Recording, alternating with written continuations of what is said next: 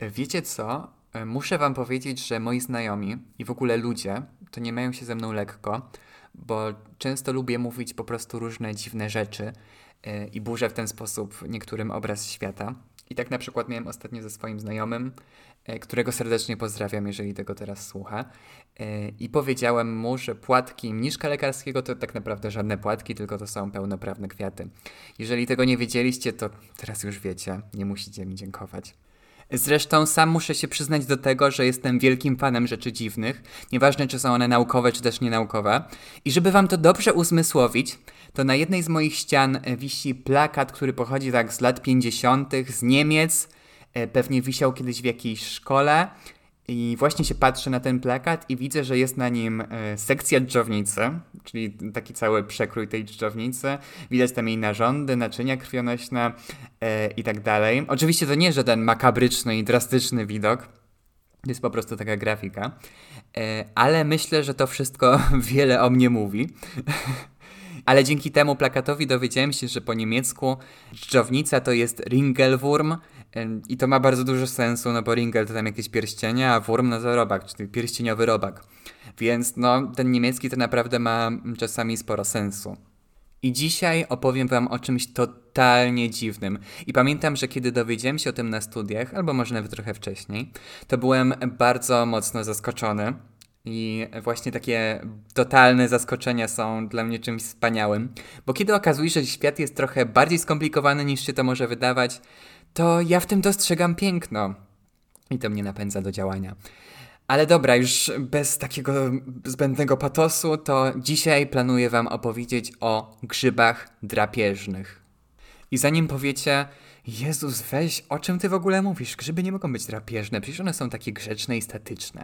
A ja wam powiem, że wręcz przeciwnie, grzyby mogą być zadziorami i mogą polować na takie różne drobne zwierzęta, jak nicienie, e, czy też wrotki, albo niesporczaki, czy też może jakieś skoczogonki i różne tam inne.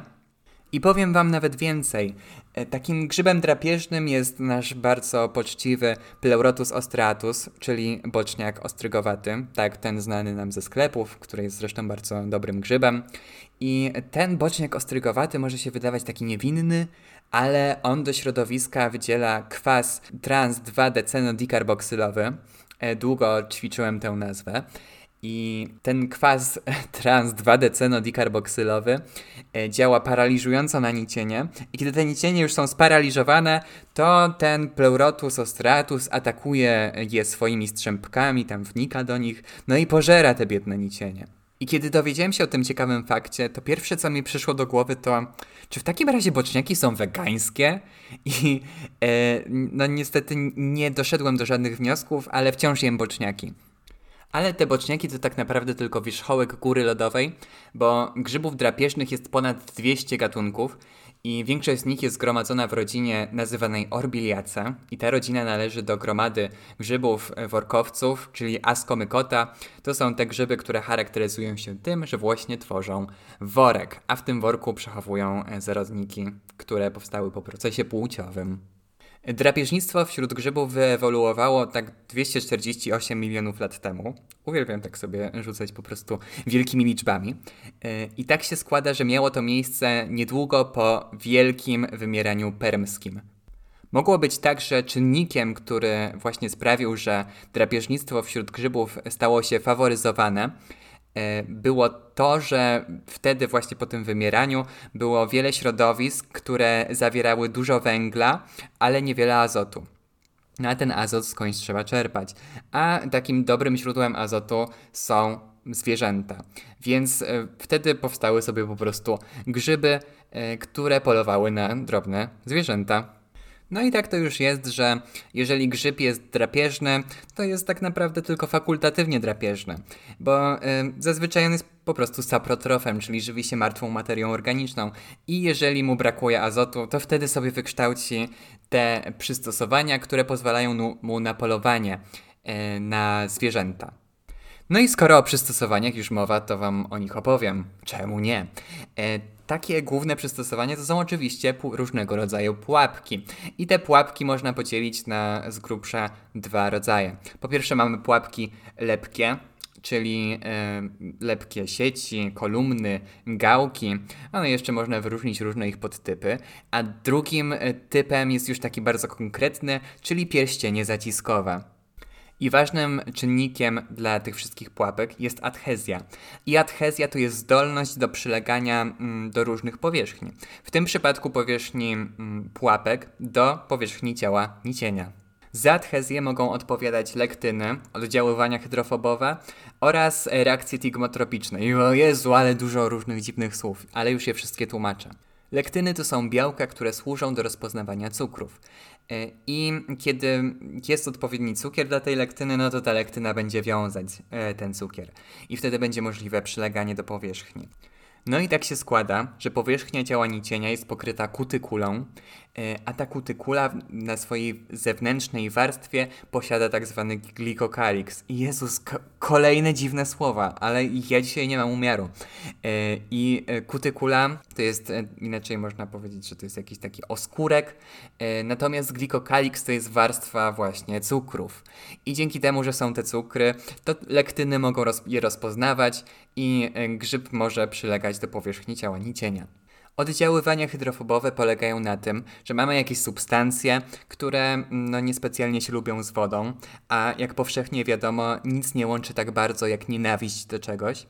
I te dwie substancje będą wtedy, wtedy ze sobą oddziaływać, i po raz kolejny znowu grzyb może się połączyć w ten sposób z nicieniem, znaczy tak po prostu zetknąć, e, bo e, znowu na powierzchni e, tych strzępek grzyba, które tworzą pułapki, mamy jakieś substancje tłuszczowe, które właśnie są hydrofobowe, a na powierzchni tej kutikuli nicienia też są substancje tłuszczowe, te hydrofobowe. No i one ze sobą oddziałują i po raz kolejny mamy jakąś tutaj możliwość do adhezji.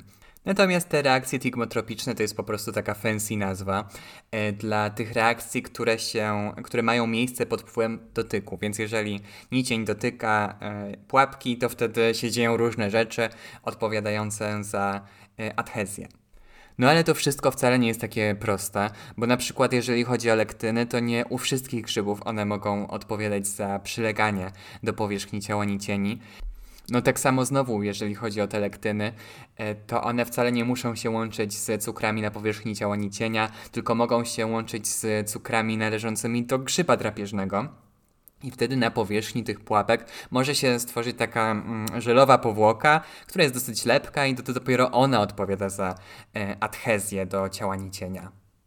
No i też badania, które sprawdzają w jaki sposób e, pułapki grzybów drapieżnych przylegają do, do nicieni, one też nie są wcale takie proste i, i wcale też takie oczywiste. E, mają pewne ograniczenia. Trochę mi się nie chce o tym mówić i myślę, że to się mija z celem, bo to wcale nie jest znowu aż takie ciekawe. Dlatego powiem Wam, że jeżeli e, nicień już przylega do ciała tego grzyba, to wtedy na powierzchni tych pułapek dochodzi do różnego rodzaju zmian strukturalnych, tak, żeby, mm, żeby to przyleganie było jak największe.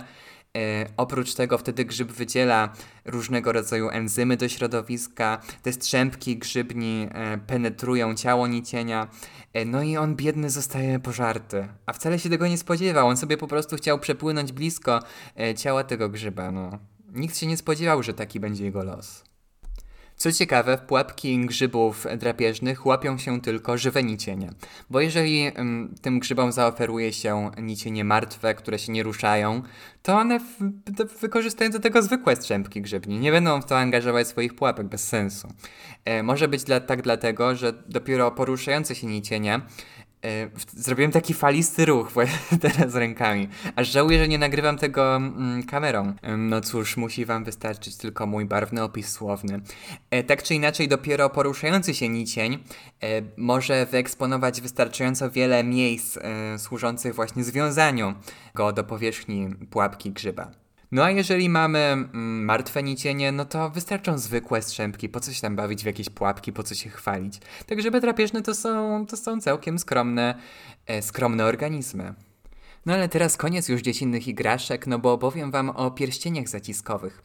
I tutaj to, kochani, tutaj to się w ogóle zaczyna zabawa, bo te pierścienie zaciskowe to jest jakaś pojebana sprawa i tam się dzieje mnóstwo rzeczy.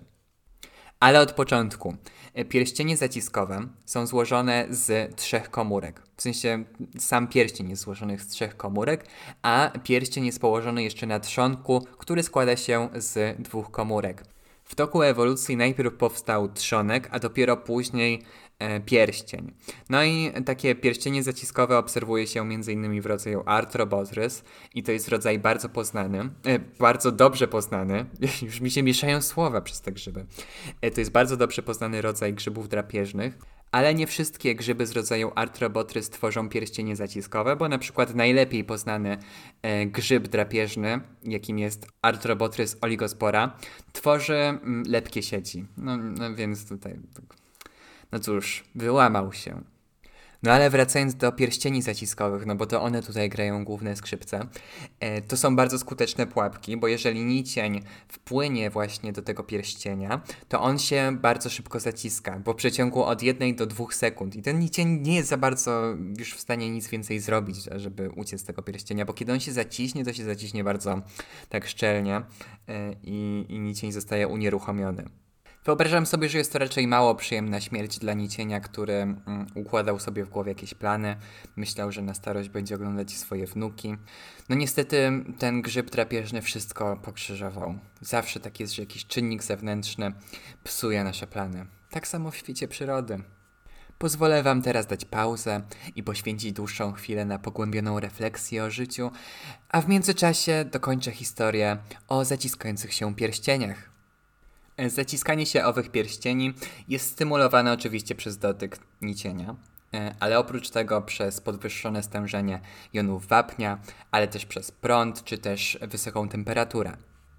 No i mechanizm e, zaciskania się pierścieni można wytłumaczyć w następujący sposób. Otóż jest w to wszystko zaangażowane tajemnicze białko G, no, które już w sumie wcale nie jest takie tajemnicze, bo jest bardzo dobrze poznane i występuje dosyć powszechnie e, w świecie ożywionym. E, I to białko G jest złożone z trzech podjednostek, z alfa, beta i gamma, i ono służy sygnalizacji. E, a przynajmniej jest zaangażowane w taki szlak sygnalizacyjny, e, bo w komórce się bardzo dużo dzieje, jest bardzo dużo sygnalizacji i ta sygnalizacja ma mm, różne cele. Między innymi właśnie u grzybów drapieżnych, tych, które mają pierścienie zaciskające się, e, służy temu, żeby te pierścienie się w ogóle zaciskały. No i mamy to białko G i mamy ten pierścień zaciskowy. I wyobraźcie sobie, że nicień wpływa w to całe kółko, które jest tworzone przez pierścień i dotyka jego wewnętrznej powierzchni. No i wtedy odpala się to całe białko G i, i krzyczy na cały głos, że coś się stało. I, I krzyczy tak głośno, że aktywuje e, szlak prowadzący do tego, że zwiększa się przepuszczalność błony komórkowej i otwierają się takie różne kanały służące przepuszczaniu wody. I kiedy one się otworzą, to woda napływa bardzo szybko do wnętrza komórek tworzących pierścień, one pęcznieją i pierścień się zaciska. Ale to jeszcze nie wszystko, bo pod ścianą komórkową tych komórek tworzących pierścień znajduje się jeszcze taka poskładana, trochę jak jakiś stolik Ikei, e, ściana komórkowa, która jest, no, ona jest w gotowości. W gotowości do tego, że gdy nicień naciśnie właśnie na, ten, na tą wewnętrzną powierzchnię e, pułapki, to e, ta stara ściana komórkowa pęka i wtedy ta, ta, mm, ta poskładana się nagle rozkłada i wydostaje się na powierzchnię, trochę jak taki balon, i dzięki temu mm, ta, te komórki mogą pęcznieć, a pierścień się będzie zaciskać. No więc te grzyby dysponujące pierścieniami, które są zdolne do zaciskania się, e, łapią nicienie na takie lasso, można powiedzieć, tylko że działające na nieco innej zasadzie. Nie ukrywam, jest to dosyć skomplikowany mechanizm. Mam nadzieję, że całkiem dobrze go wyjaśniłem. Jeżeli nie, no to trudno. Zrobiłem wszystko, co w mojej mocy. Nie mam sobie nic do zarzucenia. Najwyżej się nauczę na swoich błędach. W sumie to zapomniałem Wam powiedzieć o jeszcze jednym rodzaju pułapek. Mm, tak, brawo ja. E, ale no cóż, lepiej późno niż wcale. Otóż mamy jeszcze inny rodzaj pierścieni i są takie pierścienie, które się nie zaciskają i działają na zasadzie lepkich pułapek. I one w sumie to nie mają zbyt wiele wspólnego z pierścieniami, które się zaciskają. One są dosyć od siebie odległe ewolucyjnie. No, mm, wybaczcie, że dopiero teraz, ale jak już powiedziałem, lepiej późno niż wcale. Jak już zdarzyło mi się dzisiaj wspomnieć, e, grzyby drapieżne są tylko fakultatywnie drapieżne i one będą wytwarzać pułapki dopiero w potrzebie, a przynajmniej pewne typy pułapek, bo nie wszystkie. Na przykład e, te lepkie pułapki się będą wytwarzały dopiero wtedy, kiedy w środowisku się znajdą nicienie. Natomiast e, te pierścienie zaciskowe, one mogą się pojawiać raczej tak spontanicznie. No i naukowcy niejednokrotnie zadawali sobie pytanie, dlaczego się tak dzieje? Co tutaj jest sygnałem? E, I był taki bardzo mm, zdesperowany. nie, no to jest złe, złe, słowo. Był bardzo wytrwały. E, w każdym razie był taki badacz, który nazywał się Pramer, i e, ten właśnie Pramer, niestety nie pamiętam jak on miał na imię. I on sprawdził działanie 62 peptydów i 27 aminokwasów. No i też różnych innych substancji, jak jakieś tam hormony zwierzęce czy, czy antybiotyki. No i on chciał sprawdzić, czy one będą stymulować powstawanie pułapek. No i ten biedny Pramer tak bardzo się starał, niestety na nic, bo te wszystkie substancje okazały się nieskuteczne i nie stymulowały wcale powstawania pułapek. Natomiast substancje, albo też grupę substancji, które, e, które jednak stymulują powstawanie e, pułapek, nazwano neminą, bo po łacinie E, nicienie, które są właśnie chwytane przez grzyby drapieżne, nazywają się nematoda, ta gromada się nazywa nematoda, e, więc tutaj właśnie się wzięła stąd nazwa nemina. No ale pomimo tego, że mm, życie to są ciągłe przeciwności losu, to do tego Pramera uśmiechnęło się szczęście, ponieważ w jednym z jego doświadczeń e, wykazał, że mm, substancją, która stymuluje powstawanie pułapek może być walina, czyli jeden z aminokwasów białkowych. Także jak widać, ta cała historia ma szczęśliwe zakończenie i myślę, że Pramer się wtedy naprawdę bardzo ucieszył. Oprócz tej całej neminy, za rozwój pułapek odpowiada też poziom pierwiastków biogennych w środowisku. Bo jeżeli jest ich dużo, no to wtedy nie ma co ich tworzyć, E, azotu jest pod dostatkiem e, i no, grzybom się nie chce wcale polować na zwierzęta. Ale jeżeli już jest mało tego azotu, e, to wtedy warto stworzyć te pułapki, bo trzeba jakoś ten azot uzupełniać. Więc jeżeli mamy mało biogenów w środowisku, to wtedy pułapki będą tworzone. A same pułapki mogą się rozwijać z istniejących strzępek grzyba albo z konidiów. E, Akonidia to są zarodniki grzyba, które powstają w procesie mitozy. I to może zaoszczędzić grzybowi czas na tworzenie e, pułapki z, istniejącego, e, z istniejącej strzępki. To też może zaoszczędzić trochę energii, bo ta pułapka wtedy tak jakby funkcjonuje trochę sama sobie, ale oczywiście ona się łączy później z mm, grzybnią, chociaż nie musi też się łączyć. Czasami niektóre pułapki mogą być w stanie wolnym. W każdym razie te pułapki sobie powstają, kiedy a w środowisku mamy neminę, B e, w środowisku jest niedobór biogenów.